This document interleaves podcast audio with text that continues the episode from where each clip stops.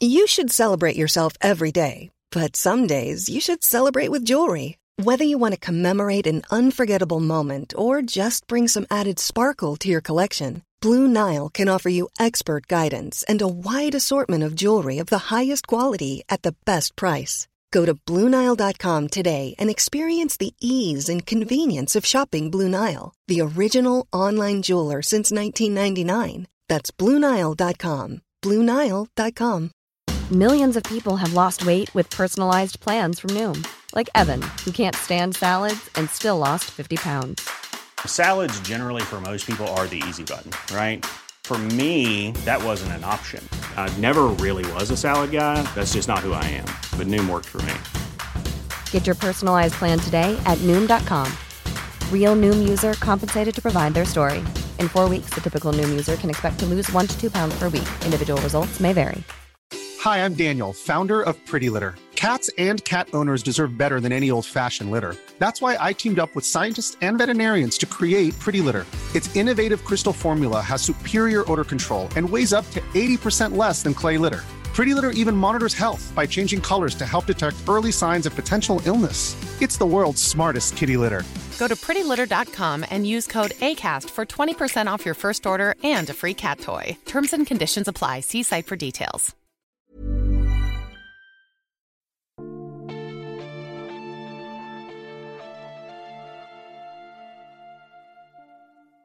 Välkommen till Sagan om Isfolket-podden Avsnitt 9 Den ensamme. Jag heter Dan och med mig har jag Anna. Hej Anna!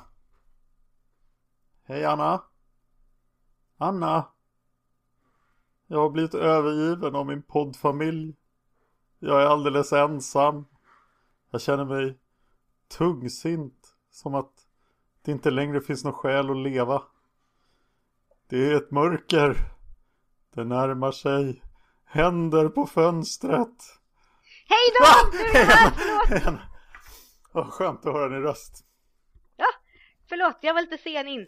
Oj. Hur är det med dig? Allt bra? Ja, det, det är bättre nu. Ja, jag hoppas inte jag är alltför deppig. Den här boken var ju inte riktigt lätt läsning. Ja, lite deppig, för vi har inte fått några nya iTunes-recensioner. Oh. Så gå till iTunes och recensera vår podd. Berätta vad du tycker om den ärligt och sätt ett ärligt betyg. Och varje betyg som, eller varje recension som någon gör kommer nämligen öka chansen att folk hittar podden på iTunes. Och för oss så är det ju också en liten extra sporre att vi får iTunes-recensioner för då blir vi jätteglada och vill podda mer. Ja! Ska vi prata om den här boken då? Ja, det får vi väl ta och göra. Den ensamme alltså. Ja. Bok nummer 9 i Isfolksagan. Rankad 41 av 47 böcker i den stora omröstningen. Som vi alltså ska göra, håller på att göra om nu. Så ni kan gå till isfolket.se, klicka på isfolksforum, gå till recensioner och omröstningar. Och sätta ett betyg 1 till 10 på varje bok. Och rädda den ensamme från att vara på botten 10-listan. På botten 10 alltså? Jag säger att jag inte får att den hamnar långt ner. Men lite förvånad att den hamnade så långt ner. För den var... Alltså den är ju övervänt, alltså den är överraskande välskriven. Det är massa rolig historia i den. Det är massa intressanta karaktärer. Väldigt intressant plott. Fast den är ju väldigt mycket misär. Ja, jag hade väldigt svårt för den fram till att Dominik kom och räddade mig och sa nu blir det åka av. Och då blev det det. Ja, men lite så. Och boken blev vansinnigt mycket bättre. Ja. Om vi bara tittar på början. Vi har då Annette som blir introducerad. Det är en väldigt kort, konstig introduktion av henne där man väldigt tydligt förklarat för att nej, hennes mamma tycker att sex är dåligt, Annette ska aldrig njuta av sex. Fy, fy, fy. Ja, och sen beskrev hon mig där. Män är monster, tänker bara på en sak och så vidare. Det kändes jobbigt. Mm. Det är lite konstig ingång och sen så slängs vi till Mikael och hans så här adoptivfamilj. Och plötsligt så blir det ett giftermål mellan Mikael och Annette. Ja, man var väl tvungen att visa henne lite och varför hon var som hon var. Annars skulle hon bara vara som, som eh, Mikaels mamma. Men hon har ju vissa likheter med Mikaels mamma. Eh, ja. Får man lov att säga. Så det är väl det där man söker sig efter någon som är som ens mamma. Inte för att han fick välja. Nej, men Cornelia, men Cornelia var ju väldigt i sig utåtriktad och tog för sig. Och Annette är ju i sig också visserligen väldigt högadlig. Men samtidigt raka motsatsen, Sippo, lite tråkig som kommer sig då helt av hennes uppfostran. Ja, så är det ju definitivt. Mm. Väsentlig skillnad. Men det jag tycker är lite lustigt är liksom att boken börjar som att det skulle vara skrivet ur Anettes perspektiv, precis som vi sett i Bödens dotter och i Längtan. Men sedan så blir det inte så, utan sen blir det ju Mikaels perspektiv genom hela boken nästan. Nej, skulle jag säga. Jo, det blir förstås mycket mer Mikaels eh, perspektiv, men just perspektivet är någonting som kanske inte är det bästa i den här boken. För här tycker jag Margit gör sig skyldig till sin värsta sida vad gäller perspektiv. Alltså hon blir allvetande berättare, hipp som happ och hoppar mellan folk och... Oh, det hade jag inte tänkt på, men nu när du säger det så. Mm, det är så här, hon liksom sitter bakom Mikael och bara hehe, det här vet inte Mikael, men jag vet det. Ja men det har du nog rätt i, för det var nog därför jag tänkte att boken var lite rörig. För, jag tänkte, för att det var liksom, vi fick Anette och sen blev det Mikael och sen blev det någon slags den här stora historieplotten som är jätteintressant men som är väldigt man måste verkligen vara historienörd för att uppskatta den. Ja, jag, eh, nu kommer Dans skrythörna här, men jag har ju fyra utgivna romaner. Och en jättestor grej som hände mig två år innan min första roman kom ut var att jag fick en redig utskällning av en litteraturvetare om just perspektiv. Oj. Och på sådana här saker, då, så att liksom, vad man ska göra med perspektiv och liksom fick lära mig hantverket så att säga. Och det, Eh, Margit är verkligen inte på sin bästa, bästa humör vad gäller perspektiv här i den här boken. Utan det störde mig flera gånger. Det svänger ju väldigt mycket fram och tillbaka. Ja, och, och det, det rycker ut den ur illusionen tycker jag. Mm, ja men lite grann. Men det här ovanifrån perspektivet. Ja. Och så just när det inte är konsekvent utan det, det hoppar plötsligt in när man är inne i Mikaels situation och sen bara här kommer en hemlighet som han inte vet om. Mm, ja, det är lite jobbigt. Och sen blir det ett nytt perspektiv från Anette och sen så blir det ovanifrån och sen blir det Marsha Christiana kommer in och har ett perspektiv fast det inte är det riktigt och... Ja. ja. Nej. Eh, det kommer också bli en historisk hörna i det här avsnittet. Vi kommer att berätta mer om Gabriel Gabrielsson Oxenstierna. Eh, av Korsholm och Vasa som är hans fullständiga namn. Och eh, Karl tionde Gustav då. De hade ju rätt pampiga namn på den tiden alltså. Japp. Men då ska vi se här. Vi hoppar tillbaka då till Mikael och Annette. Och grejen varför de gifter sig är ju för att Annette Annette som ursprungligen är fransyska som har kommit till Sverige och hennes mamma har dött och hon har en förmyndare som nu plötsligt vill gifta sig med henne. Och då tycker Marsha Christiania, alltså, som för övrigt är en, verkar vara en sjukt jävla bra personlighet, jätteintressant historisk karaktär, som, och då tycker ju Marsha Christiania att fast det här kan vi inte ha, det, hon kan inte gifta sig med den här gubben. Men då slänger in att hon ska gifta sig med Mikael. Ja.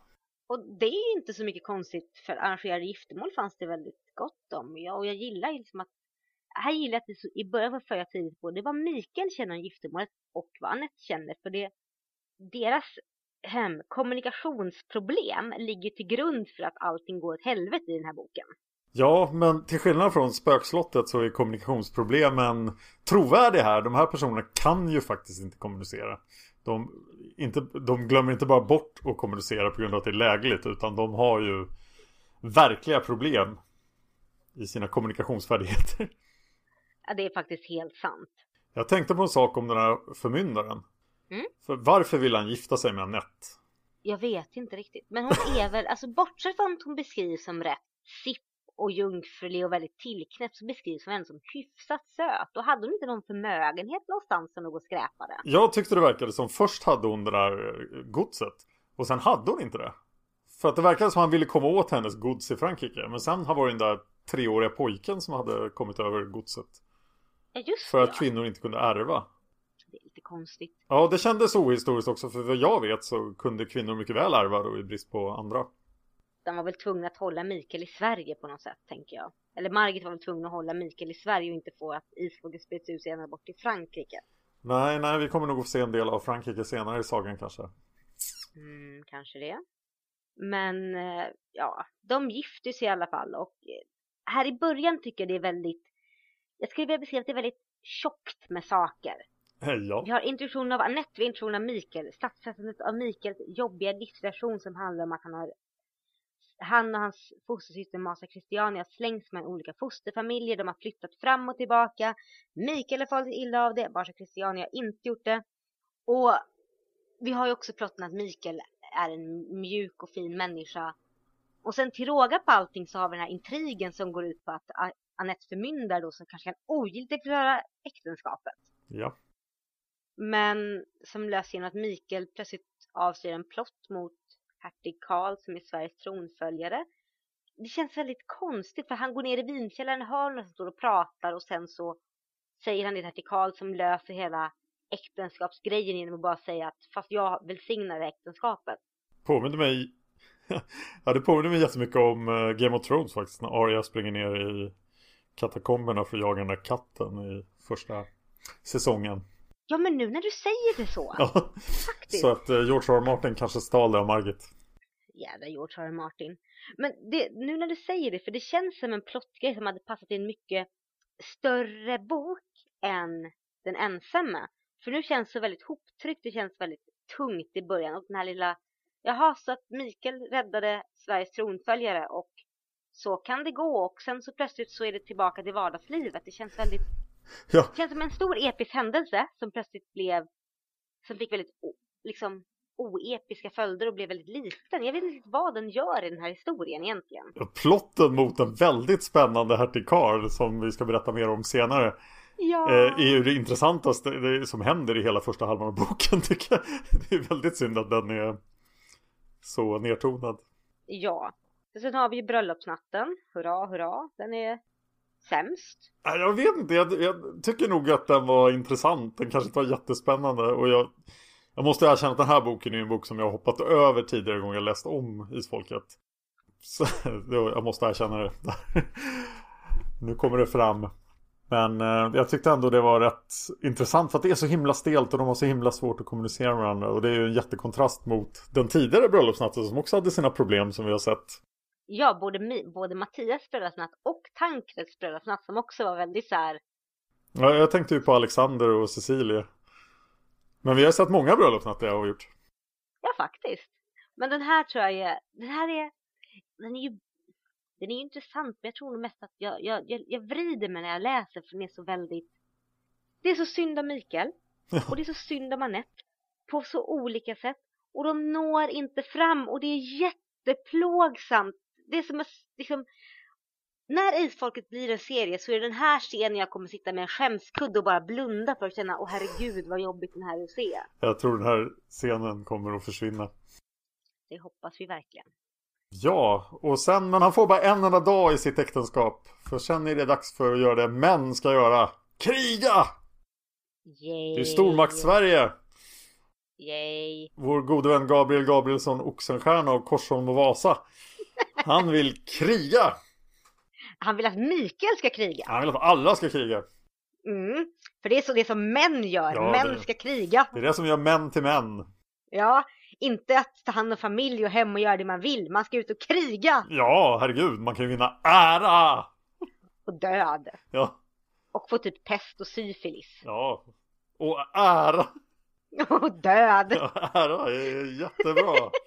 ja. För då kan man så mäta sig med andra män. Hur mycket ära har du? Och de bara, jag har lite mindre nu. Bara, aha! Jaha, då är jag nog lite mer machoman än vad du Precis, är alltså. men man kan ju inte gärna använda liksom syfilis och sånt och mäta sig med. Nej, precis. Vi tonar ner det. Mm. Så det är jag äran tycker... man fokuserar på. Ja, jag tycker så synd om Mikael här, för han vill inte kriga. Nej, här har vi en vapenvägrare som inte kommer undan. Nej, han kommer ju inte undan för... Nej, riktiga män ska ut i krig. Sen är han så fruktansvärt hänsynsfull. Mm. Han är ju så öm och mjuk och herregud, Mikael är en sån här person som i dagens Sverige förmodligen har blivit veterinär eller något sånt där. Ja, det tror jag han skulle ha blivit mm. bra på. Ja. Men han är borta länge, han är borta i fyra år minst. Och under den tiden så, ja, han kuskar vidare runt i Europa och det nämns jättekort att han faktiskt träffat Tankred, vilket är rätt bra att det inte nämns mer, för vi har redan fått den scenen i två böcker tidigare. Ja, just det, vi kan inte få scenen en gång till från andra sidan, det blir jättekonstigt. Det blir jättekonstigt. Och sen så hamnar han ju till slut i Polen. I det här väldigt konstiga kriget. Mm. När, som jag inte förstod så mycket av alls. Jag ska berätta mer om det sen men det är verkligen underligt. Det var nog det som gjorde att boken var så trög. Jag har bra koll på historien men det här kriget var verkligen så här. Jag hänger inte med. Det mest intressanta var att de hamnade i Livland som, och där tyska orden hänger. Tyska orden tycker jag om. Ja, ja Men sen oj. var det mest bara förvirring. Ja, men det här är ju så här i 30-åriga kriget var inte 30 år långt egentligen utan det här är ju långt efter de 30 åren har gått men det är egentligen 30-åriga kriget som fortsätter. Men mer om det senare i den historiska hörnan. Mm. Men Mikael är ute och krigar och då får eh, det räcker med en natt för att bli med barn för Annette får en liten son som heter Dominic. Eh, ja, en dag ska jag berätta för dig hur det går till. Att få barn. Ja, det räcker med en natt. Det ser jag fram emot. det, Avsnitt- det får vara den andra podcasten vi har. Avsnitt 48, blommor och bin. Blommor och bin och isfolkshistoria. Ja! Och här återigen utmärker sig Marca Christiana där med att eh, faktiskt upptäcka Dominics förmågor. För Dominic visar sig vara något av en tankeläsare, minst sagt. Ja, Och jag fattar inte hur inte mamma Annette märker detta. Nej, men hon är väl för inskränkt helt enkelt. Hon tycker väl att han bara är hänsynsfull. Ja, men alltså så här. Barn är inte så hänsynsfulla eller uppmärksamma på världen när de är tre, fyra år. Jag tycker, jag tycker nog Dominic är den mest spännande personen i hela boken. För att han, Mm. han är där med sina gula ögon och sina konstiga egenskaper och verkar lite allvetande sådär.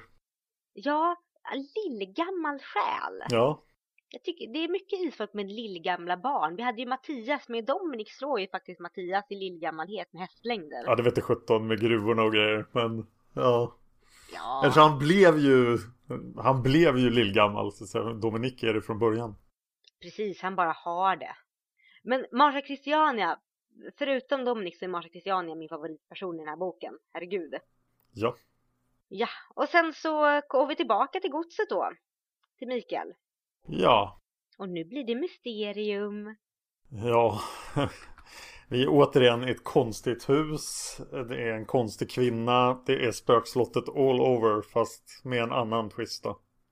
Ja, och vi har en familj som har en söt dotter, precis som i spökslottet, som Mikael börjar intressera sig för. Så det är inte som i spökslottet där. Nej, Och Mikael börjar inse att han kanske typ, han kanske är kär i den här Birgitte. Och det, så det är inte som i spökslottet. Men det är ju någonting skumt som pågår här.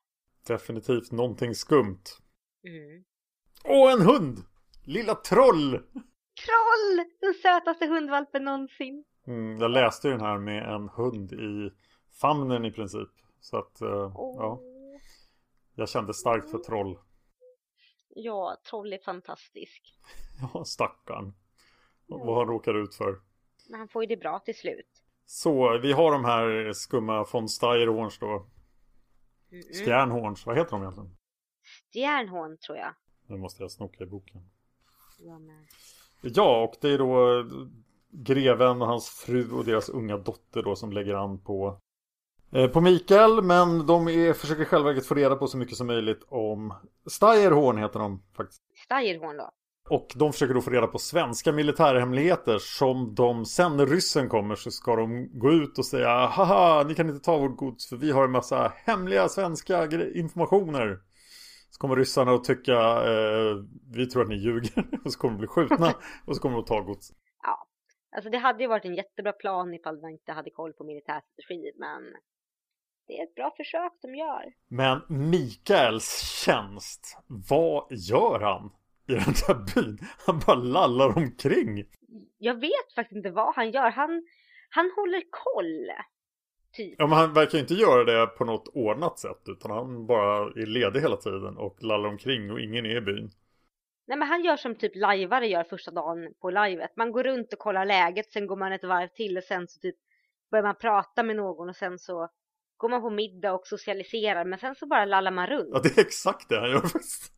Ja, för det, alltså det finns ju ingen strategi vad han gör och han är ändå kapten. ja och liksom, i, vi får inte höra någonting om själva tjänsten. Men det verkar mest som att han är tvungen att stå på vakt någonstans lite då och då. Ja, någon gång måste han ändå sköta sitt jobb. Ja det känns som ett live, han är på livet Livland som är dåligt arrangerat.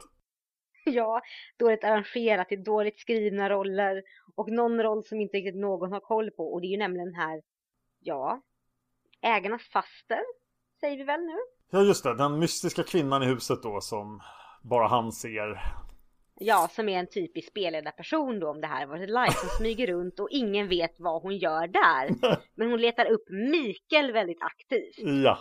och ger en massa hintar om att allt inte är som det ska vara. Nej, jag vet inte vad jag ska säga om den här plotten. Den är inte det bästa i boken. Det är inte den bästa, alltså det, det, den är, nej. Sen är Mikael, jag tycker att han är vansinnigt naiv och korkad där. Ja. Och han framstår inte som det i övrigt. Nej men här är verkligen ingen koll alls och nej, han missar sådana uppenbara grejer. Den här kvinnan då, fasten som smyger runt och liksom, åh det här, du vet det här, de ska inte gå upp här, det här vet du bäst, det är så. Och sen att han överhuvudtaget lyder henne, varför gör han det? det. Precis, varför, varför lyssnar du på kvinnan som är lite smågalen? Ja. Ja. Som typ försöker mörda folk genom att vräka ner ett helt tak över dem. Vi ska, efter vi har gått igenom boken så ska vi eh, ha en Isfolket-debatt. Ett nytt Ja. inslag i podden. Vi ska diskutera om hon är en människa eller ett spöke. För det är definitivt inte entydigt. Nej, det är definitivt inte. Men som tur är så kommer Mikael därifrån. Mm. Och han får med sig troll. Ja, och han får ut den här eh, rättmätige, eh, eller killen som ska vara i det där huset och hans betjänt då. Precis, och den här familjen då med den här dottern som var skurkar, vilket man såg komma från flera mils avstånd. Eh, Ja, det fick man ju veta nästan direkt, känns det som. Ja, Och det hade ju varit intressantare om man inte hade fått veta. precis. Igen det här med perspektivet du nämnde. Ja, dessutom hela den här saken med balkongen som rasar och att greven och hans fru slås ut och blir skadade. Det är ju helt onödigt. Det hade ju inte spelat någon roll om de var skadade eller inte för att eh, den gamla ägaren och hans betjänt får ju tag på ett gevär och hade lika gärna kunnat övermanna dem också. Precis. Det känns som att det är en historia, som att det här var tänkt att bli en annan historia men så tryckte man in en massa småplottgrejer.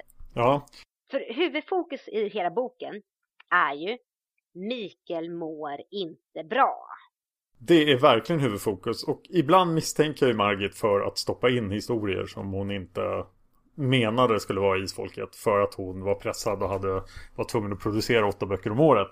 Jag tror att det här är en sån bok för att här känns som, som, sagt, som med den här plotten att rädda Sveriges tronföljare i början så känns det är mycket som är intryckt som är en transportsträcka fram till att vi faktiskt kommer till Norge. Ja, och boken blir ju oändligt mycket bättre så fort vi är tillbaka i Gråsensholm. Ja, för nu är det liksom bara mest saker som går ut på att Mikael är naiv fram till fokus att nu mår Mikael dåligt och saker händer rent historiskt sett som krig och ångest och misär. Ja. Som är en slags inbäddning. Men hem kommer han till slut efter en lång resa tillsammans med Troll! Troll! Ja! Troll! Ja, och han får träffa sin son och Dominic och Troll hittar varandra och allting är jättevackert. Det tyckte jag var en jättefin scen när han fick träffa Dominic. Mm. Jag blev jätterörd faktiskt. Men, och han tillbringar ett och ett halvt år där innan han blir utkörd av Gabriel Gabrielsson, Oxenstierna av Korsholm och Vasa. Som tycker, va? Nu har du ju gått hemma länge nog. Ska ut och kriga? Ja, Nej, du- jag vill inte ut och kriga. Du får ju inga XP när du går här. Du måste levla. Men jag trivs bättre här. Det kan vara lugnt och skönt och typ fokusera på att inte se typ konstiga saker utanför mitt fönster. Ja, Ja, precis. Och inte komma någon vart i mitt äktenskap. för Anette och Mikael, eller Anette och Mikael hittar ju inte varandra. De, det går inte. Men de vill ju, men nej, de är helt enkelt kassa på det. Mm. Mikael börjar ju den här perioden, liksom i den här delen av historien, må otroligt dåligt. Det är konkreta ångestanfall, det är depressioner, det är hallucinationer och fan och hans moster och Anette är världens dåligaste person på att hantera detta. Och hon är ju rädd för Mikael för att han är en man. Ja, hon har ju verkligen inte fått en bra uppfostran. Nej. Men de skriver söta brev till varandra när han måste åka ut och kriga igen. Ja, jag gillar de breven. Det tyder ju ändå på att så, här, så länge de inte typ pratar IRL så funkar det rätt bra. De hade, de, de hade verkligen behövt vara i nutiden och hålla på med Facebook hela tiden. Ja, men till sist kommer Dominic och säger nu, nu måste det hända någonting. Mm. Nu måste vi åka! Mm. Vi måste åka till Gråsesholm. Han säger inte vart de ska åka heller, utan jag tyckte det var jätteepiskt faktiskt. Just det, ja. Han sa Vi inte måste det. fara. Nu måste vi åka. Gökarna gör... Nej. Precis. Och när den eh, lilla synska pojken kommer och säger att man måste åka, då är det bara att dra. För Ja, Mikael vet ju vad det rör sig om. Mm. Han har ju velat dit i flera år. Och så smiter de från stackars troll som blir alldeles jätteledsen. Mm. Men troll måste ju vara kvar. Ja. Och jag tycker Anettes reaktion är ganska bra också. Att hon verkligen agerar och gör någonting här. Ja, där växer hon och blir på något sätt en person inte bara en slags ja, tråkig karaktär. Ja, men det, hon genomgår ju en väldig karaktärsutveckling. Oh ja. Men! Vi är tillbaka i Gråstensholm! Åh, vad skönt. Äntligen! Det är ju här, är det någon bok som har en lång transportsträcka så är det den här. För hela första delen är bara, vi ska slå fast att Mikael var dåligt. Sen kommer vi till Gråstensholm och då händer allting. Ja, men här kommer vi verkligen till Gråstensholm till skillnad från i Spökslottet där vi verkligen fick lite av huvudplotten. Här får vi ju massa huvudplott. Nu är vi verkligen tillbaka till familjen. Ja, men det börjar ju ganska tragiskt där. Ja, men vi vet inte hur tragiskt det blir. Det är den här trädolyckan i skogen men vi vet inte riktigt hur illa det har barkat hän. Nej. Men det är verkligen en actionstart. Jag, jag, det här kan jag tänka mig i tv-serier också. Att så bara, gud vad segt det här är. Så bara ja! Bara nej! Vad är det som händer?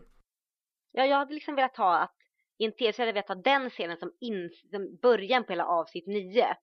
Och sen bara få en sån här typ Mikael mår lite dåligt.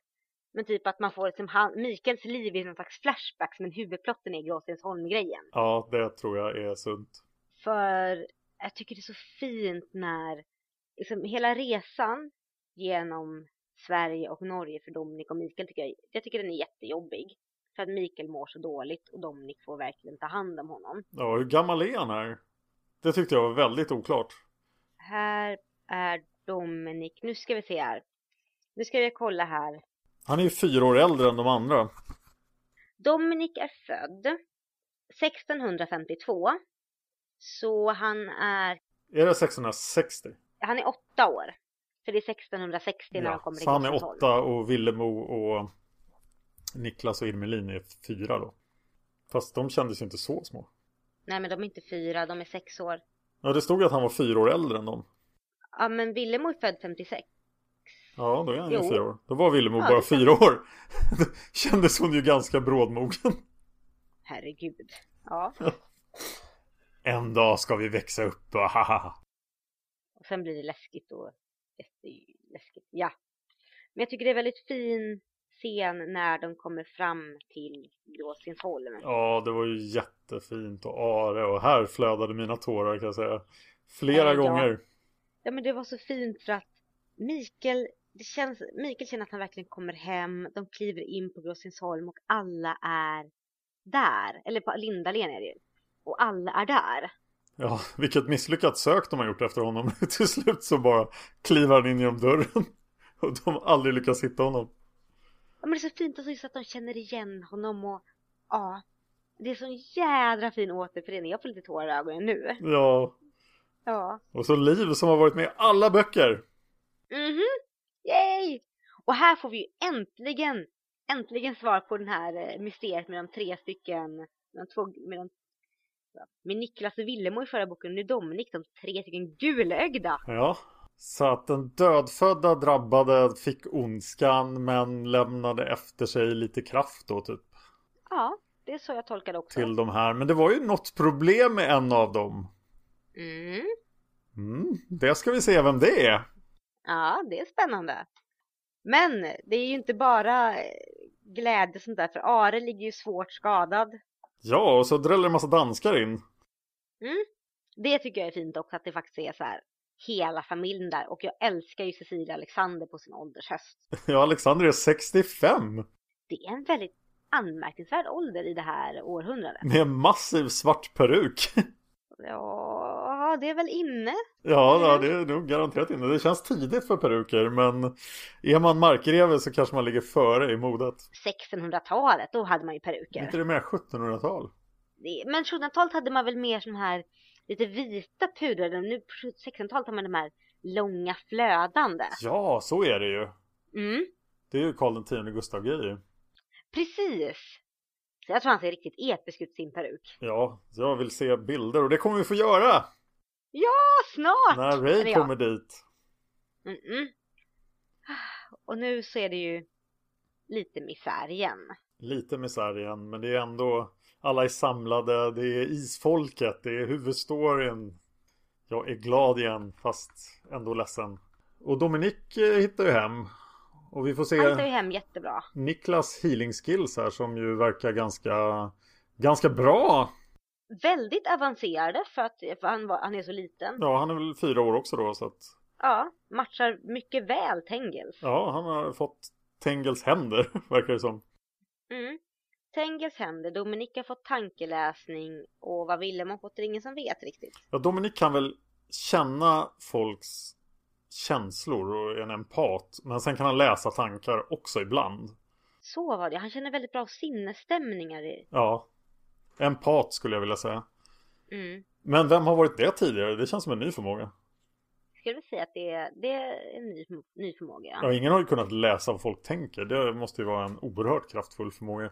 Det stod att Sol var väldigt känslig för sinnesstämningar. Och det kan ju tänka att hon hade den förmågan men i och med att Sol inte var en så väldigt ähm, Sol var omtänksam inte på det sättet så kan det tänkas att det draget tonades ner hos henne och nu växer fram mer hos Dominic som faktiskt är en hyfsat empatisk människa i grunden också. Ja, Sol kunde ju verkligen inte läsa Hemmings tankar. Det hade hon behövt kunna. Eh, nej. Hon kände ju av typ när det var liksom mycket stämningar och när det var magi och när det var liksom så här, ja men vibrationer i rummen mer. Ja. Och Villemo är bara kaxig. Mm, kaxig Och lite jobbig. tjej. Ja, som typ fyraåringar är när Ja. de typ är enda barnet och jätte så här och växt upp i massa kärlek. Precis. Men hennes förmåga är ännu okänd. Men det verkar ju onekligen som att hon har någon slags förmåga av något slag. Mm. Vi har inte det blekaste av vad det är för något. Nej, det kanske vi får se. Men ska vi ta i det här jättejobbiga ögonblicket nu här? Ja, det är ju, det är ju jätteepiskt. Mm. Som sagt, Mikael har ju mått väldigt dåligt och har inte blivit bättre. Och vi har det här tillfället då han känner att nu, nu vill jag inte mer. Nej. Så fram med pulvret och lägger sig bredvid sin farfar. Mm. Och håller handen in i döden. Ja, och Are, det, man får ju understryka här då att Are har ju letat med den begränsade medel han haft. Och i krigsstationen har han ju letat efter Mikael i flera, flera år. Så för honom är ju det här en av de lyckligaste stunderna som han har haft. Ja, det är väl 22 år, det måste vara mer. Nej, jo, det är 22 år sedan han var i Tyskland. Och såg Mikael som treåring. Mm. Så Som oj, ja det är jättebra. Det är jättefint. Och jag har faktiskt varit upprörd på den här boken tidigare för att jag hade tyckt att det här hade varit en jätteepisk död för Mikael. Att han verkligen skulle ha dött där.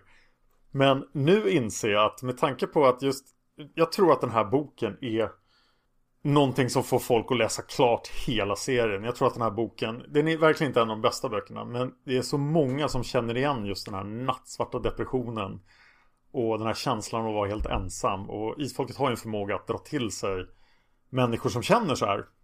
Som hittar någonting i sagan. Och hade Mikael verkligen dött, då hade det här varit rena självmordspropagandan.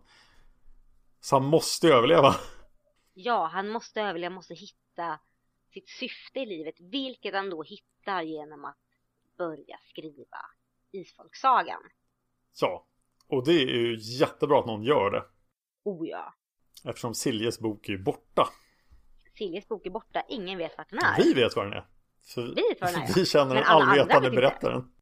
Ooh, men alla andra i sagan vet inte vart den är. Nej. Städa på vinden. Precis, vad gör Någon den gång. Vinden? gör det en gång vart hundrade år. Ja, jag menar skriver de bara upp grejer på vinden? Det måste ju vara ett råttbo av rang där uppe. Ja, verkligen. Och det är alltså ingen som har röjt på vinden på hundra år. Och de bara, äh, ska Nej, vi? det har faktiskt Nej, bara gått någonting 80 år annat. tror jag. När jag tänker efter. Ja, men ändå. Okej, en gång vart 80 år. Städa på er vind. Precis, och gå igenom allt som ligger där för guds skull. Ja, de är ju många. De kan göra det till familjeevent. Mm. Men jag får faktiskt hålla med där för att när jag var yngre så läste jag en recension av den här boken. Där det var verkligen så här att ja men Mikael borde ha dött för det hade varit världens finaste dödsögonblick. Det hade det varit. Ja, farfadern och sonsonen som tillsammans somnar in. Jättevackert efter många år de varit ifrån varandra. Jättevackert dödsögonblick. Men Dominik då? Ja, stackarn. Precis. Liksom, det är allt de här grejerna man börjar tänka på nu. Liksom Dominik och vi har en kärlek. Vi har en familj som också ska hålla ihop resten av livet. Så att jag är väldigt nöjd nu efter att han inte dör. Både för att det var den självmordspropaganda. Ja. Och för att hur, hur fångar man upp en bok efter huvudpersonen bara begått självmord på ett sånt sätt? Plus att han då hade verkligen varit helt miserabel och sen i sitt dödsögonblick var första gången han var liksom nöjd och tyckte att allting var bra. Så det hade nog inte varit bra. Hade varit jättedåligt. Dessutom hade Anette haft väldigt svårt att återupprätta sig i läsarens ögon och det lyckas hon ju faktiskt ganska bra med här på slutet. Ja precis, hon kommer in och verkligen hjälper till och men då, hon växer i mina ögon. Så vi fick inte självmordsbudskapet från boken men vi får budskapet att när, eh, när det är svårt i kärleksförhållandet så drick vin! Drick vin! Ja, drick och, vin! Och ut till en ö och eh, se vad som händer. Är du hämmad, ta en sup. Precis. Funkade jättebra för mig faktiskt. Jag var nykterist när jag var 22.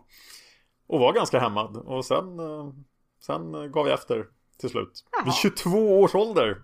Ja, klarade mig genom eh, gymnasiet, lumpen, började på högskolan. Herregud. Men sen gick det ut för. Så att, eh, ja. Men hämning, hämningarna försvann. ja, så att de har sin, de hittar varandra till slut. Efter mycket om och men. Så pass att de bestämmer sig för att åka tillbaka till Sverige senare. De gör väl inte det i den här boken? Nej, de bestämmer sig för det och det är ju verkligen det. Det är ju för att Anette vill bo i Sverige. Ja. Varför det?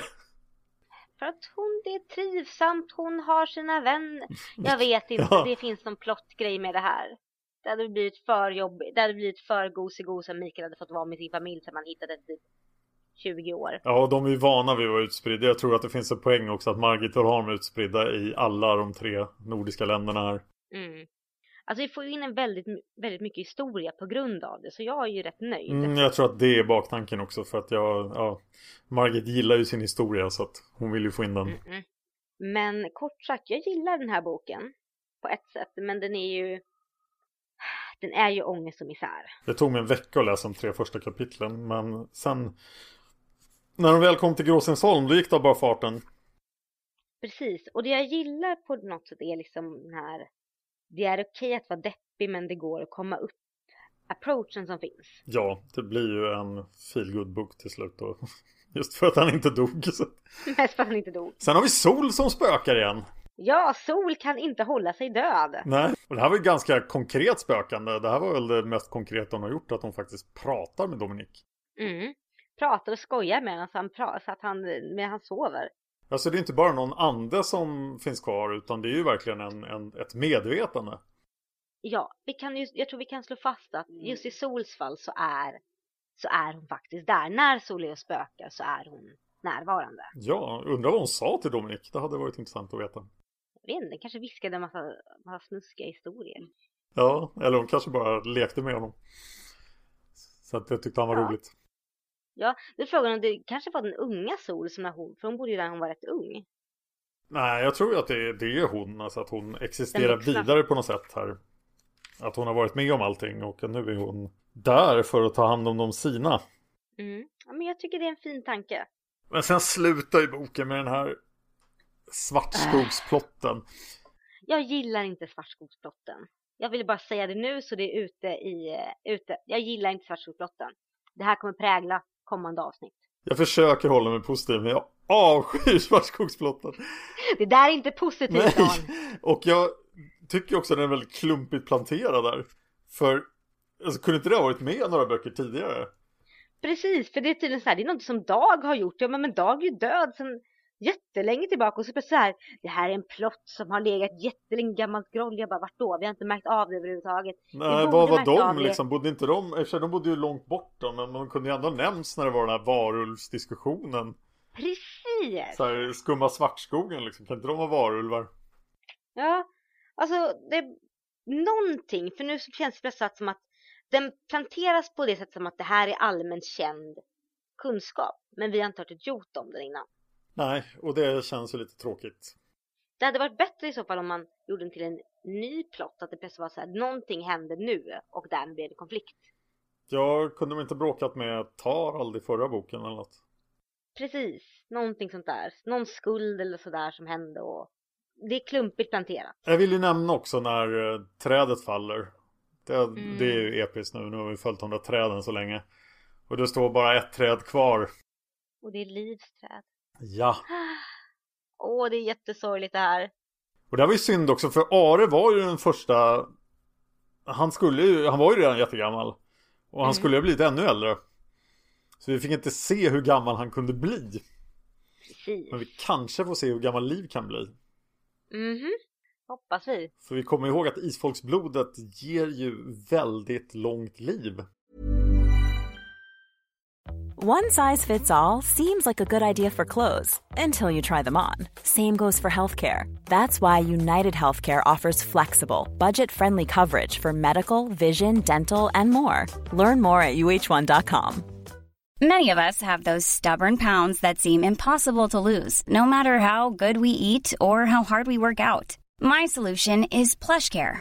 PlushCare is a leading telehealth provider with doctors who are there for you day and night to partner with you in your weight loss journey. They can prescribe FDA-approved weight loss medications like Wagovi and Zepbound for those who qualify. Plus, they accept most insurance plans. To get started, visit plushcare.com slash weight loss. That's plushcare.com slash weight loss. Millions of people have lost weight with personalized plans from Noom, like Evan, who can't stand salads and still lost 50 pounds. Salads, generally, for most people, are the easy button, right? For me, that wasn't an option. I never really was a salad guy. That's just not who I am. But Noom worked for me. Get your personalized plan today at Noom.com. Real Noom user compensated to provide their story. In four weeks, the typical Noom user can expect to lose one to two pounds per week. Individual results may vary. Mm, och motståndskraft mot sjukdomar. Så att Ja har en tendens att bli ruskigt gamla om de får leva. mm. Det kommer att komma en som överträffar alla andra Men mer om det senare Ja. Så kan vi säga att Mikael är en dubbel M Och vad är en dubbel M? Misär-Mikael Gud ja, det kan vi lugnt säga att han är. Men han får ju det bra till slut. Både han och Annette och Dominik blir ju en vettig familj. Ja, och jag ser fram emot hans eh, skrivararbete här och hans författarkarriär. Mm. Det är inte typiskt av en författare att lägga in en karaktär som är författare. Eh, jo. För det är det enda, det är det man kan relatera bäst till. Ja, men det är ju så. Men det, jag tror att det passar honom för att vi fick ju plantera att han inte skulle vara, han ska inte ut i krig, men det här är en mjukare bana för honom. Det, det funkar bra. Men vad kommer Gabriel Gabrielssons Oxenstierna av Korsholm och Vasa att tycka om det här? Han kanske dör snart. Det kanske han gör. eh, då ska vi ha Isfolksdebatten! Det nya inslaget. Nu ska vi ta varsin debattposition här och ha en debatt. Och frågan är den här kvinnan då. Antingen fasten eller Magda von Steyerhorn då från 1400-talet. Var hon ett spöke eller inte? Och Anna kommer att ha positionen att det här var minsann inget spöke. Men jag kommer att ha positionen att det är ett spöke och att det inte är fasten. Så att jag hävdar alltså inte att fasten är ett spöke utan den svarta damen som Mikael träffar är hela tiden Magda von Steyerhorn. 250 år gammal. Ja. Så, du får börja. Ja. Mitt starkaste argument för att det här inte är ett spöke är ju för att vi har ett utomstående vittne som då är Tankreds krigskamrat som faktiskt var med och har sett den här då fasten. Det är väl en fånge som berättar det till och med? Ja, det var det Ja, det är en kanske. svensk fånge som berättade för Som har berättat det för Tankreds krigskamrat som, Och sen berättar han det för. Tankred Ja, någonting sånt Så han är där. en svensk soldat Ja. som var där Och han liksom som utomstående som kommer in och faktiskt kan säga att nej men den här kvinnan är ju ägarens faster och orsaken till att hon, att hon gled runt och var på lite olika ställen i tiden var att familjen försökte få tag och stänga in henne. Och hon därför inte var med dem hela tiden utan var på lite konstiga ställen. Det är ett helt logiskt argument. Om jag hade haft en familj som velat stänga in mig hade jag också varit lite sneaky och velat ge dem olika genom typ att riva ett golv och ett tak över dem och faktiskt hållit mig ur vägen. Ja, det låter ju bra Men jag hävdar ändå att det är ett spöke Och det finns ju flera bevis på det Dels har vi de här spåren då Och jag köper inte förklaringen att hon hade nippertippat i hans fotspår varför inte det? Utan är inte det det första man kollar? Om man är i den situationen. Och om han då har kunnat göra fotspår, då måste hon ju definitivt ha kunnat göra fotspår som hade varit i hans fotspår. Och, eh, och också kanske inte varit helt precisa utan hon har trampat lite bredvid och så vidare. Det borde ju synas och han borde bara kunna kolla på de första tre fotstegen som var precis bredvid honom. Ja fast om man tänker så att han kanske har skostorlek 45 eller något sånt där. Ja. Att han är man. Han är manlig man och krigar. ja han verkar väldigt stor. Det beskrivs aldrig riktigt men hon, Anette säger hela tiden att han är stor. Och när han ställer Mm. upp henne på sängen så ser de varandra i ögonen. Och det är en ganska rejäl höjdskillnad. Eh, ja. Så han måste vara 1,90 och hon är 1,50 minst Typ den så. skillnaden. Så vi slår till Han har ju stora. Han har ju stora fötter där med stora skor. Ja, Och den här damen som är liten. Alltså hennes skor ryms ju förmodligen mer än väl i hans fotspår. Så hon kommer inte trampa utanför. Och det är helt logiskt att man har tunna skor och, vill gå till, och inte vill gå i snö med dem. För att om man tänker så här. Om man har tunna inomhusskor eller 1600-tal som är öppna längst ut och ska gå tillbaka i snö. Då kommer snön komma in på huden, på strumporna och sen in i skorna. Det vill jag inte ha med. Det är mycket mer logiskt att gå i en annans fotspår. okej jag är beredd att gå över till nästa Nästa punkt då. Mm. Eh, sen har vi ju själva den här hugsoten då om den har kommit av ett spöke och så vidare. Och dessutom då att vi är i isfolket så att det är fullständigt rimligt att det är ett spöke. Ja, Så det skulle mycket väl kunna vara ett spöke. fast nej. Om man tänker på bakgrundshistorien. Ja. Mikael har en krånglig familjehistoria. Död far, död mor. Runtflyttat mycket. Han är en mjuk person som har tvingats ut i ett yrke han inte vill vara. Han är ute i krig. Och han ser massakern, han upplever massakern, han är fast i ett oligt äktenskap, han har ingenting att komma hem till. Det är inte så konstigt att han utvecklar en full ångest av det här. Jag vet att du ville hoppa över det här men jag är nog ändå beredd att sätta lite diagnoser på Mikael. Jag, Du får sätta diagnoser på Mikael. jag tror att Tarjei var en högfungerande Aspergare i nivå med Bill Gates. Han var ju otroligt fokuserad och intelligent. Så att där, Jag är böjd att hålla med dig för att eftersom, särskilt eftersom man ibland blir lite för inne i det vetenskapliga och glömmer bort det empatiska. ja, så därifrån kan det ju komma dåliga, dåliga gener. Mm. Eh, och Mikaels mamma hade ju definitivt ett antal diagnoser. Ja, fast mest självupptagen. Ja, men hon var ju inte en, en, en välfungerande person. Hon hade nog sina psykiska Mm, demoner. Gud, Gud ja. Ja, så att eh, hans, och sen den här hemska uppväxten då, och det han inte tving, den, att han gör det han inte ska göra. Men det känns ju ändå som att beröringen från Magda då triggar allt det här. Men kan det inte vara så att han gärna ville se det som att det triggar för att han faktiskt skulle få må då? Alltså jag tror att det här var något som han burit med sig väldigt länge. Och sen bara blev det en händelse som man var så här, jag kan inte förklara det här. Jag ser att det är inga spår och någonting måste ha hänt.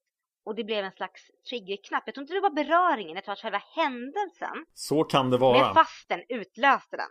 Eh, Jag måste erkänna min bevisföring här är en indiciebevisning. Och, eh, men det finns många indicier då. Den scenen som är mest graverande är ju att Birgit inte reagerar på att hon är där. Och det framstår ju verkligen som att hon inte kan se Magda. Jag har inget att säga om den scenen faktiskt, för det är den... Det kan, alltså det, argumentet är att hon ignorerar för att det är den här, ja men jag tänker blank stare dig för du är inte ens värdig att jag reagerar på dig men Nej, där är den där människan som på något sätt har lyckats gömma sig i vårt gods trots att vi har letat efter henne i flera veckor. precis och då skulle min reaktion vara jag skriker och kallar på hjälp så att vi kan få fast Ja, henne. där är hon. Och sen har vi hela den biten. Okej, säg att hon är den här människan fasten då. Och hon upptäcker, okej, knapadeln kommer dit, tar besittning av huset, spärrar in hennes brorson som hon av någon anledning bor tillsammans med då. Och den här betjänten. I en källare bakom en dörr. Och Mikael tog sig igenom den här dörren med en yxa, eller hur? Japp. Ja. Hennes reaktion på det är inte att dra därifrån, hämta hjälp. Eller något. Nu var det i och för sig inte så många kvar i byn, men om hon gick till det svenska lägret och framför där så borde ju någonting ha hänt. Men nej, hon glider omkring i sina coola adelskläder som måste vara jätteobekväma. Och hon klarar av att gömma sig på grund av alla hemliga lönndörrar som hon har. Var sover hon någonstans? Hur, hur, hur dåliga är de på att leta? Och de har ju till och med en hund som de hade kunnat sätta på att leta efter henne. Ja, Fast hunden gillar ju dem inte. Nej, men om de hade tänkt någonting. De är ju de sämsta rövarna någonsin om de inte lyckas hitta henne. Ja, men alltså grejen är att Hur stort är det här huset?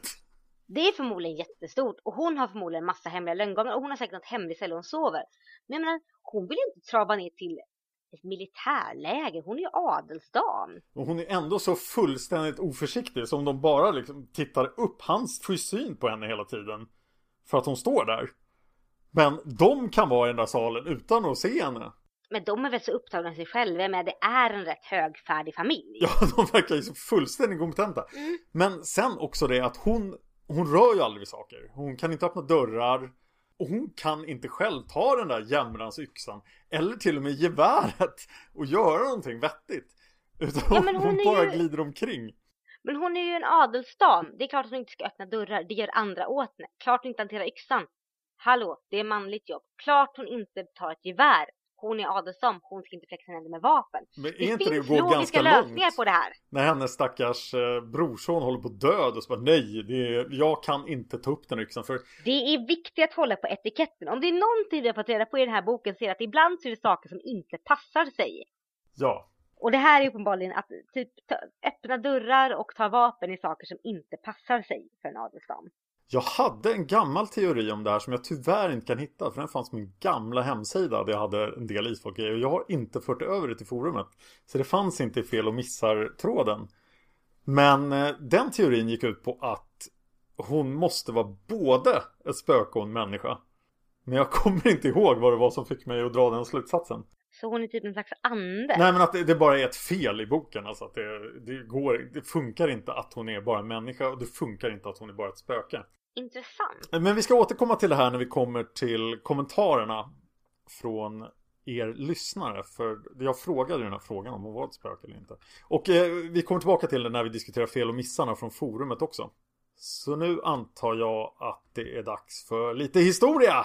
Hurra! Hörnings historiska hörna.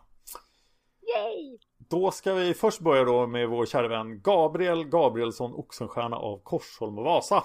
Som eh, verkar ha varit, eh, ja all, allting som står i boken om historia är fullständigt korrekt. Det här är riksrådet, eh, han är riksmarskalk, han är jättebra kompis med Karl X Gustav. Eh, den ena versionen av Karl X Gustavs död, eh, då är han faktiskt i Gabriels armar när han dör. Oj. Så att det här är i, i sin säng då dock Men han liksom Gabriel håller om honom när han dör Så de stod väldigt nära varandra. Eh, Han är gift med Marka Christiana Så hon är också en historisk person Men henne kunde jag inte hitta några detaljer om. Nej men hon var ju kvinna liksom. Ja de har mycket riktigt de här fyra sönerna. Två av dem dör 1656 Och lämnar kvar Gustav och Gabriel Gabriel som då också förvirrande nog heter Gabriel Gabrielsson Oxenstierna av Korsholm och Vasa De får senare fyra barn till, så de har åtta barn tillsammans. Oj. Eh, Två söner och två döttrar. Och den ena dottern lyckas bli väsentligt mer berömd än någon av sina föräldrar. I och med att hon är inblandad i en jättestor skandal som får uppmärksamhet i hela Europa. Men det ska vi inte prata mer om den här gången för jag har ett svagt minne av att Margit kommer tillbaka till det. Jag har för mig att jag minns det lite grann också i senare böcker. Så det är den eh, Håll ögonen öppna efter Christiana Juliana Oxenstierna och hennes jättefeta skandal.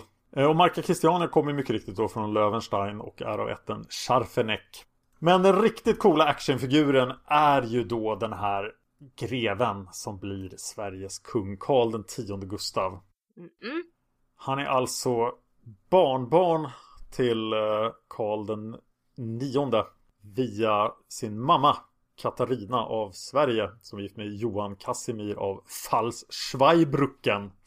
Och det gör honom då till en tysk adelsman. Men då kusin till Kristina. Och faktum är att han har försökt eh, gifta sig med Kristina. Oj. Så han friar Kristina. Och försöker bli Sveriges kung på det sättet. Och det verkar gå ganska bra då. Hon avböjer frieriet men han verkar bli någon slags favorit då, och han blir mycket riktigt utsedd till tronföljare. Spännande. Och när hon gör det 1649 utser hon honom till sin tronföljare. Och det är fem år innan hon abdikerar. Så att det verkar ju som att hon har gjort det i syfte att abdikera. Och att de tankarna redan fanns. Hon hade Väl... Ja, hon hade väl den här hemliga brevväxlingen med Rom och, och sådär.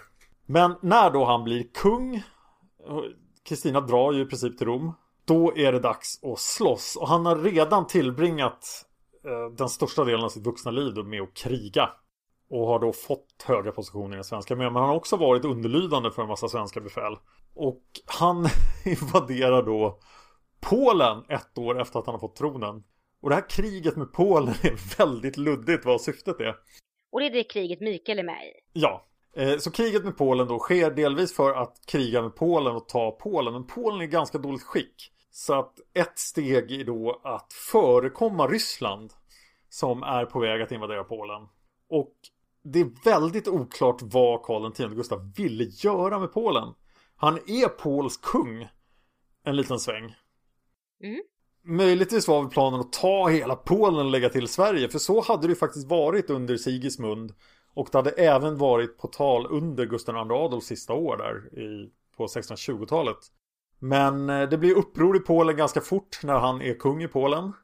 Och då försöker han dela Polen. Han försöker göra en deal med alla som hatar Polen. För Polen har ju en historia av att bli invaderad av alla från alla håll. Eh, ja. Och syftet med att göra den här dealen då är att ta hela Östersjökusten och göra Östersjön till ett svenskt innanhav. Och det var ju hela tiden en tanke under stormaktstiden.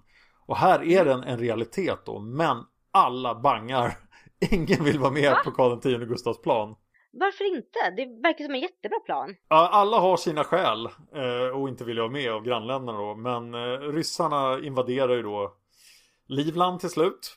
Och eh, kejsaren känner sig hotad av Karl X Gustavs framgångar och Nederländerna kommer och bråkar och Danmark hotar Karl X Gustav då så att alla gillar inte honom. Och ändå i den situationen så vinner han flera segrar i fältslag i Polen. Det mest berömda är tredagarslaget vid Warszawa 1656. Så alla är livrädda för den här konstiga svenska kungen då. Och de har ju Gustav II Adolf i färskt minne också. Så att mucka inte med den svenska kungen. Men sen helt plötsligt då så Medan de samlar ihop sina trupper och har en hel stor allians mot honom Så gör han då det här jättejärva anfallet mot Danmark. Och det har tydligen varit planen hela tiden. Han hade insett att Danmark kunde bara tas söderifrån. Så han hade hela tiden haft det här viljan att ha en armé söder om Danmark Så han kunde invadera Jylland. Och planen här då, han, han, slår, han slår ju ner Danmark och vinner då med det här galna tåget över Stora Bält. Kommer till Köpenhamn, har erövrat Danmark i princip. Och hans plan är att Danmark har varit i så många krig med Sverige under så många år. Det här går ju tillbaka alltså till, jag håller på att göra en, en dokumentär om Stockholms blodbad.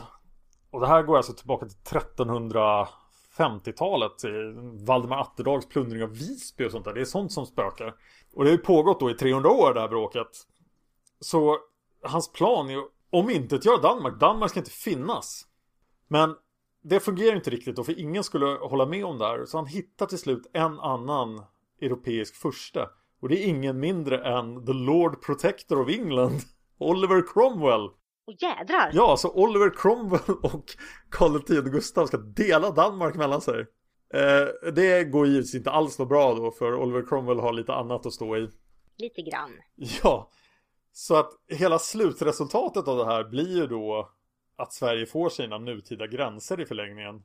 Men det var aldrig planen utan det, det, var definitivt många större planer som blev den här lilla planen. Gud, tänk ifall England och Sverige delat upp Danmark mellan sig. ja, det hade varit ganska bisarrt.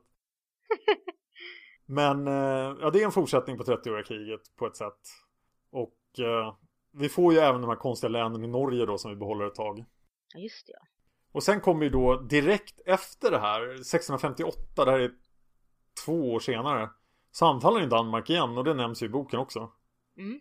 Och eh, där går det inte alls lika bra då. Och här kommer en massa österrikare som av någon anledning är hans ärkefiender.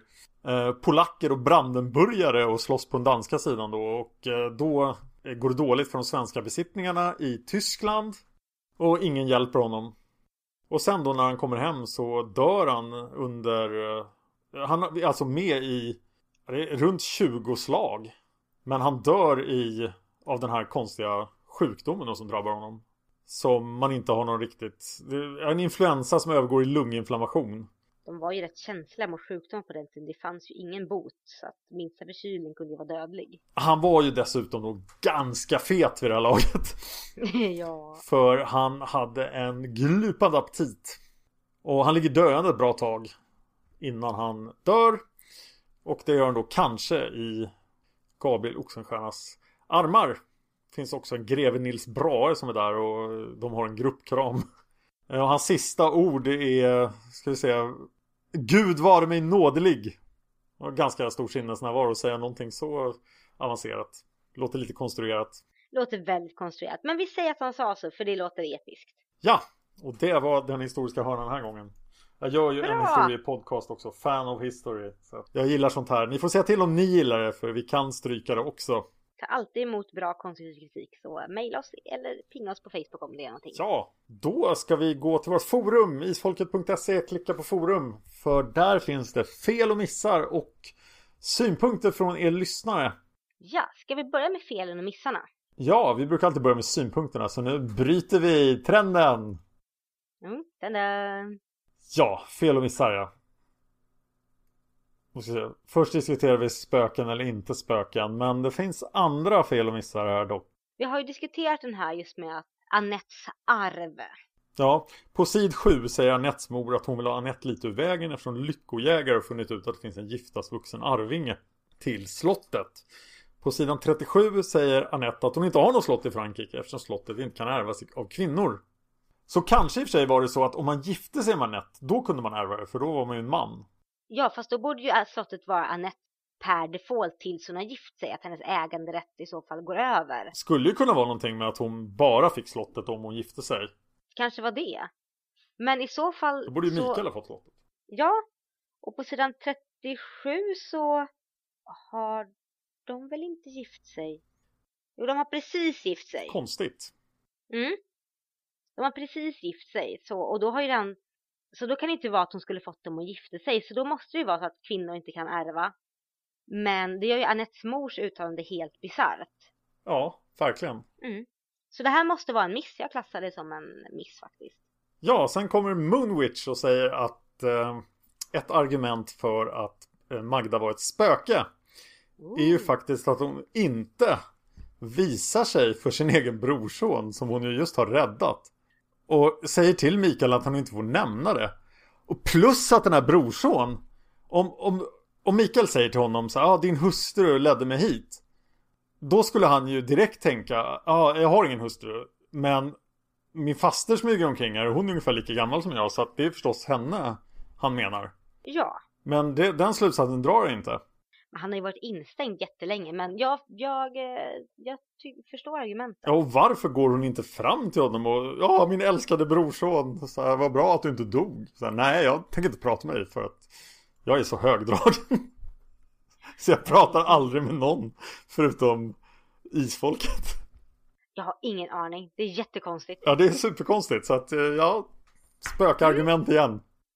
Spökargument igen ja. Ja, vi går vidare till andra sidan av fel och missar. Och hittar ni några mer fel och missar i boken så skriv in dem på forumet. Precis, och här har vi igen det här ett fel som återkommer i en saga, nämligen med ögonfärgen. Det är Sweet Devil som skriver att på sidan 184 säger Cecilia när hon tittar på Dominic att har man sett på katten? Ännu en med morfar Tengels gula kattögon. Men högst upp på sidan 190 står det, han log lite drömmande, det är några söta ungar, det där tre grönögda. Det finns inget ont i dem.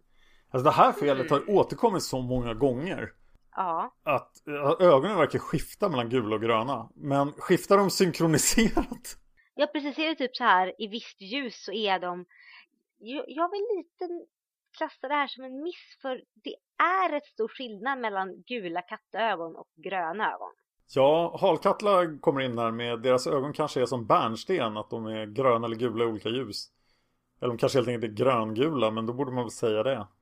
Mm. Uff, ja, den är svår. Vi, vi lämnar den lite grann. Det är en sak som sagt återkommer genom hela Ja, det här är säkert inte sista gången heller. Nej. Men det var de missarna. Ja, det var de missarna. Så då över till synpunkter. Ja, och då hade vi några frågor vi hade ställt. Vi frågade, vad tycker du om den ensamma? Vilket är bokens bästa ögonblick? Vilken är din favoritkaraktär och varför? Och frågan, är hon ett spöke eller inte? Och då kan du få börja med Mamma Tovas. Ja, och hon skriver Jag tycker det är en underbar och gripande bok. Mikael hans svårigheter berör djupt och även den komplicerade relationen mellan honom och Anette. Man vill honom så väl genom hela boken men allt arbetar emot honom. Dominic kommer in i bilden som en djup karaktär redan från början och även relationen mellan honom och hans far berör djupt. Och troll. Och Mikaels kärlek till djur. Jag älskar det. I normala fall tycker jag att många av Majs karaktärer kan vara lite ytliga, men Mikael är verkligen motsatsen. Man får verkligen djupdyka i hans person till upptäcka flera sidor. Och beskrivningen av psykiska problem är djup och ger verklig förståelse för hur svårt man kan ha om man avviker från normen, i synnerhet på den tiden. Den starka scenen är när Mikael och Dominic reser till Norge ända tills när Mikael vaknar till efter självmordsförsöken. Jag grät oupphörligen 80 sidor, även om det var tionde gången jag läste boken. Jag grips också av Tarald, som jag alltid ogillat så mycket som alla andra verkar göra, att han offrar sig själv för att rädda Are. Mikael är min favoritkaraktär. Jag lider verkligen med honom och tycker om hans personlighet. Men jag lider också med Annette. Det är lätt att ironisera över hennes person, men tänk själv att ha den grundläggande fostran hon har. Tänk motsatsen, att vara uppfostrad i den anda som råder idag och få reda på att Anettes version av livet är den sanna man behöver lära sig acceptera. Hur lätt skulle det vara? Hon kämpar också. Och hade det gått lättare hade det inte varit trovärdig. Nej, det är verkligen en bok med mycket smärta där, precis för min smak. Och nej, hon var inte ett spöke. Nästa som svarar är Paladin. Hon säger jag gillar den ensam skarpt. Första gången när jag läste den tyckte jag den var seg och tråkig. Men ju fler gånger jag läser den desto mer gillar jag den. Det är ett ganska hardcore svar. Så här, första gången jag läste den. Så hon har läst Isfolksagan ett par gånger. Kan vara så att det har mer att göra med att jag har utvecklats under dessa tio år än att eh, boken kräver fler omläsningar. Mitt favoritögonblick är när Mikael kommer in på Lindalen och frågar varför inte huggit ner den fallfärdiga linden och Liv säger så bestämt Den linden ska inte falla än. Repliken visar hennes kraft och kärlek till Are. Eftersom boken mest handlar om Mikael så blir det ju han som man känner mest för. Och han är lätt att gilla. Han som försöker nå fram i sitt tråkiga äktenskap. Han försöker sig på soldatlivet fast hans själ lider. Eh, och det är så sorgligt men relaterbart att han försöker ta sitt liv när han äntligen återförenats med sin farfar Are och fört Dominik till sin släkt. Han känner att han fullfört sin uppgift i livet. Och eftersom livet själv inte ger någon glädje så tänker han att då är det inte värt att fortsätta. Sen är det en väldigt fin mening när Mikael hör Anettes röst och bestämmer sig för att börja kämpa för att leva igen. Jag måste bara ta upp det som jag tycker är en av hela sagans sorgligaste scener. När alla släktens karlar går ut för att hugga träd och Tarald slänger sig fram för att rädda Are. Det gör så ont i mig. Och nej, hon är inget spöke, men jag önskar att hon vore. Oh. Då har vi sista svaret från Blodshämnd. Han skriver, vi minns att jag tycker det var otroligt tråkigt att läsa om Mikael när han var i krig och hans psykiska svårigheter när han läste bok som tonåring. Men nu finner jag det ytterst intressant och igenkännande. Jag har alltid tyckt det var kul att läsa om Mikael och Anette hemma i Sverige, även om jag verkligen avskyr Anette många gånger. Men till sist bör hon respektera och förstå Mikael och då tycker jag bättre om henne. Mikael är så underbar, men det är dock synd att han ska behöva må så dåligt i ensamhet. Att han inte försökte ta sitt liv tidigare är konstigt. Bokens bästa ögonblick är när Mikael kommer hem till Norge och får träffa släkten. Hela den biten är så fin, även om Ari är döende och till slut dör och Mikael försöker ta livet av sig. Jag älskar att Alexander Perldin då bär en stor svart lockig peruk efter senaste mordet. Skrattar bara åt tanken av det. Ett fint ögonblick är ändå att Mikael tycks till Are när han beslutar sig för att begå självmord. Favoritkaraktären är Mikael. En så fin och snäll människa. Han är så ensam i sin sjukdom att det verkligen gör ont i mig. Hans styrka att ta sig igenom allt imponerar på mig. Att han inte orkar till slut beror mycket på bristen på stöd hos hans anhöriga, lät fru. Och är han ett spöke eller inte? Inte. Oj, 3-0 till inte spöke här. Mm. Men jag vill höra vad du tycker så skriv i kommentarerna här. På Youtube eller på iTunes eller på vår Facebook-sida. Tror du att hon var ett spöke eller inte? Mm, får vi se. Ja, det, nej, vi har några till saker att prata om. Vi uppmanade folk att anmäla intresse för att vara med och starta en isfolksförening i förra avsnittet. Ja! Och det gick ju över förväntan. Så att den här föreningen är under uppstartande. Det finns nu en eh, ett gäng människor som arbetar med det där. Och vill ni följa det så kan ni följa Facebookgruppen eller eh, på isfolket.se kommer också komma upp mer information om föreningen. Jag tror att meningen är att den ska vara igång i februari. Ja. Om jag har förstått det hela rätt. Det är så jag förstår det också. Så jättekul, vilket genomslag. Jag trodde inte att det skulle dyka upp så mycket folk så fort. Så det var jätteroligt. Det är jätteroligt. Jag ser jättemycket fram emot detta. Vi har också fått reda på, ja vad är det vi egentligen fått reda på? Informationen var lite förvirrande men isfolket ges alltså, trycks inte längre. Nej, precis. Den har slutat, den kommer inte tryckas mer. Nej, och det verkar ju vara ett väldigt misstag för jag är svårt att tänka mig att just nu när ljudböckerna är ute och vi noterar ju en uppgång i isfolkintresset så det låter ju jättemärkligt. Ja, men precis. Så Var det bara i Sverige eller var det även i Norge? det ska vi se här. Det som sägs är att förlag som ger ut alla mag isfolk och alla mag Magisböcker där står boknöje ska läggas ner. Det är ju Sverige då. Precis. Och de kommer hålla öppet till och med augusti 2016. Och det här är ingenting som annonseras på boknöje, men om man skickar iväg och frågar vilka serier som finns kvar så kan man få köpa serierna. Och nu så är det, nu är det, väl- nu ska vi se här. Sen är det oklart vem som har, vem som äger den nu, men det är ju värt för alla isfolkfans att känna till det här att Margits böcker i Sverige kommer inte ges ut mer. Och eftersom serieböckerna kommer ges ut i 7-8 år till så kommer alltså isfolket inom några år bara vara tillgängligt på svenska som, som seriealbumen från Ray. Ja, och då, ja. Så att, eh, ja, det är lite tråkigt det här. Jag hoppas se en ändring. Augusti 2016 är rätt långt borta. Vi kanske kan få något annat bokförlag att ta över. Eller se om bokningen kan ändra sig. Men jag vill inte säga att det här är slutet än. Nej, sen, sen finns det väl oändligt många exemplar av visfolket tryckta på svenska kan jag tänka mig. Men jag tycker ändå att något förlag borde ta upp det här.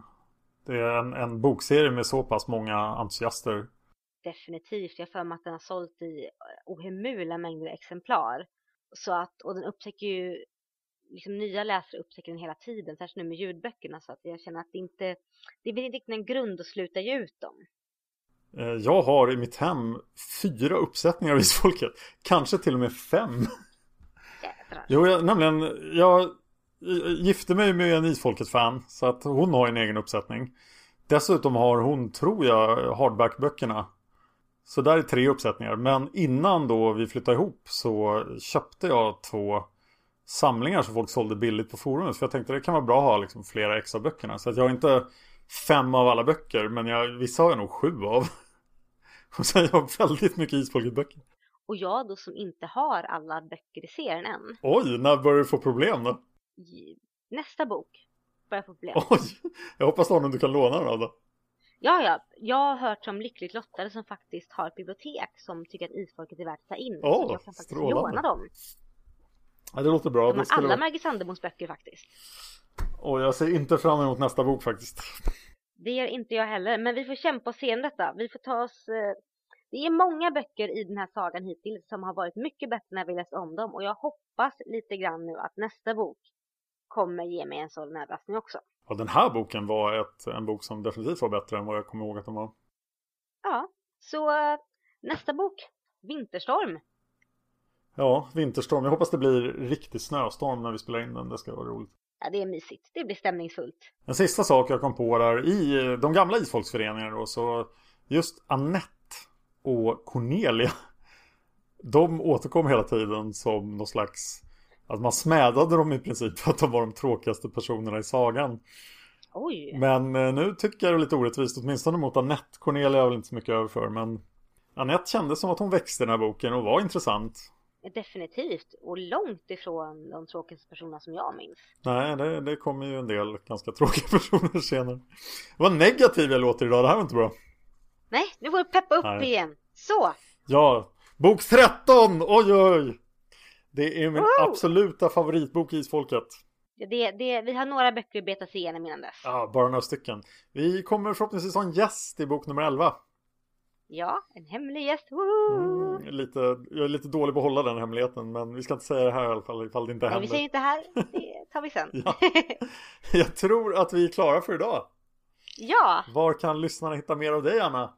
jag finns på Facebook under Cesuna Seras. Jag har en blogg som heter cesunaseras.blogspot.se och jag finns på Twitter som Anna Seras.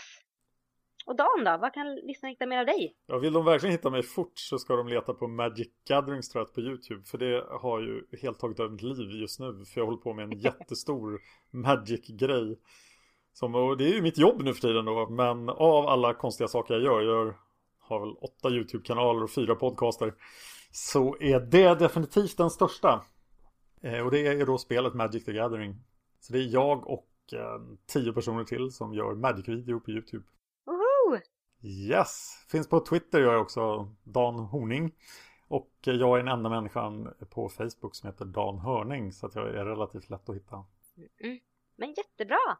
Då syns vi i nästa avsnitt. Ja, Vinterstorm. Svart skog. Ja, det blir bra. det blir jättebra. Ja, ha det bra. Hej då.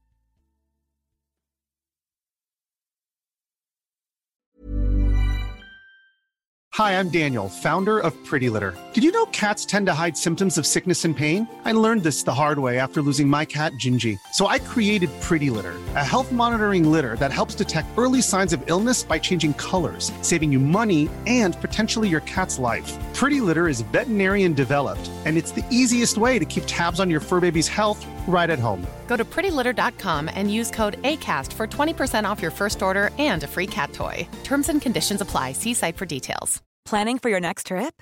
Elevate your travel style with Quince. Quince has all the jet setting essentials you'll want for your next getaway, like European linen, premium luggage options, buttery soft Italian leather bags, and so much more. And is all priced at 50 to 80% less than similar brands. Plus, Quince only works with factories that use safe and ethical manufacturing practices. Pack your bags with high-quality essentials you'll be wearing for vacations to come with Quince. Go to quince.com slash pack for free shipping and 365-day returns.